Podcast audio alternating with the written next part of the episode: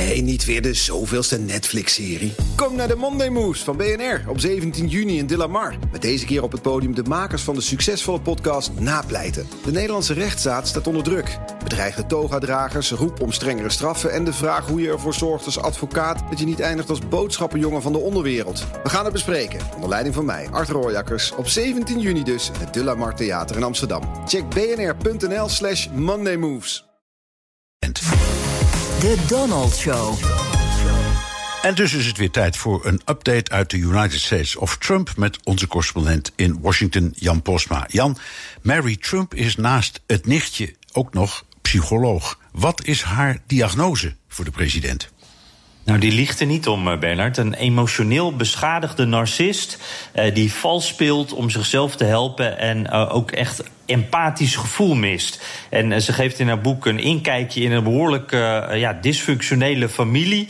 Waar ze zelf natuurlijk ook onderdeel van uitmaakte. En, en, in die familie, daar is vader Fred Trump echt manipulatief richting zijn zoons. Echt de baas van, van die familie.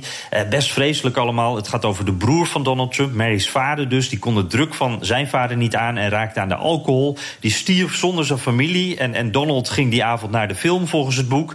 en Donald Trump zou ook niet zelf de toelatingsexamens voor zijn opleiding hebben gedaan. Uh, dat door iemand anders hebben uh, laten doen. Dus ja, het is allemaal kommer en kwel eigenlijk binnen, dat, binnen dat gezin. En de, de Trumps die zouden ook nog Mary Trump hebben besodemieterd bij de erfenis toen vader Fred Trump overleed. En dat is dan de reden dat ze dit boek schreef. Ik kan nog even zo doorgaan. Het Witte Huis ontkent natuurlijk alles, maar doen dat wel op Trumpiaanse wijze. It's ridiculous, absurd allegations that have absolute no bearing in truth. Uh, have yet to see the book, but it is a book of falsehoods. Ja, dat vond ik wel een mooie, Bernard. Ik heb het nog niet gelezen, ik heb het nog niet gezien, maar er klopt helemaal niets van. Nee. Het boek is al onderwerp van een campagnespotje. Ja, want uh, dankzij Mary Trump wisten we ook al eerder dat Trump uh, veel meer geld van zijn vader kreeg uh, dan hij zelf zegt. hij is dus veel minder een self-made man. Donald Trump zei: Ik heb mijn vermogen opgebouwd met 1 miljoen hulp van mijn vader. Nou, dat bleek 413 miljoen te zijn.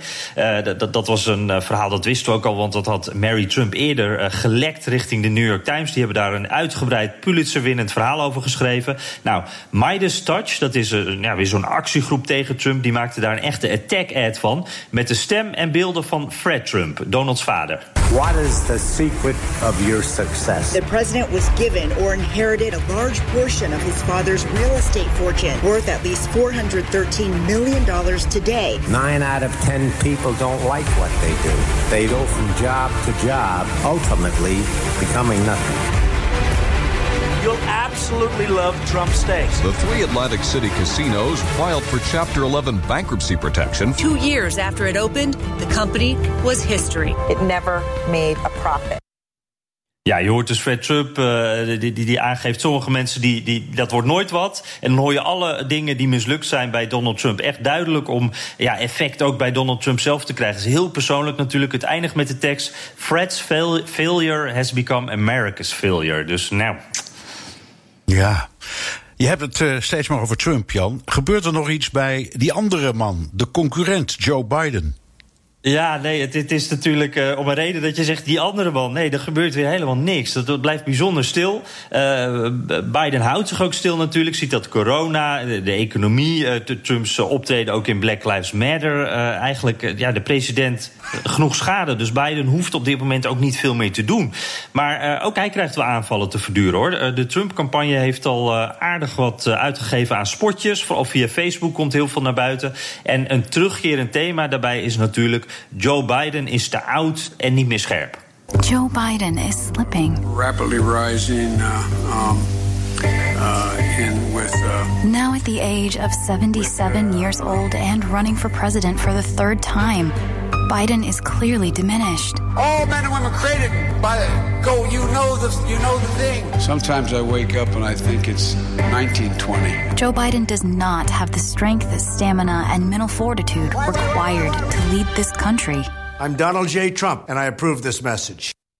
Ja, dit is wel slim, want Biden is natuurlijk ook eh, niet iemand die heel scherp overkomt. En, en dat gebrabbel wat je hoort in speeches, dat komt ook regelmatig voor. Maar tegelijkertijd ook wel een, een risicootje zit hierin eh, voor Trump. Want Trump is natuurlijk zelf ook niet meer de jongste. Ook al merk je dat niet als hij bijvoorbeeld tweet. Want hij tweet als een uh, jonge god, zullen we maar zeggen. Ja, maar goed, leeftijdsverschil is precies drie jaar. Hij is 74 en 77. Zoveel maakt dat ook niet uit. hè? Nee, dat is ook weer zo. En als je gezond precies, leeft, dan kan je heel ver komen. En dat doet ja, dan weer wat minder. Zo, dankjewel. Jan Posma, onze correspondent in Washington. En wilt u meer horen over dat fascinerende land? Luister dan naar de Amerika-podcast van Jan en mij. We zijn nu net weer bezig aan een nieuwe. BNR ben je altijd als eerste op de hoogte van het laatste nieuws. Luister dagelijks live via internet. Bas van Werven. En heel langzaam komt de zon op rond dit tijdstip. Je krijgt inzicht in de dag die komt op BNR, het Binnenhof in Nederland en de rest van de wereld. De Ochtendspits. Voor de beste start van je werkdag. Blijf scherp en mis niets.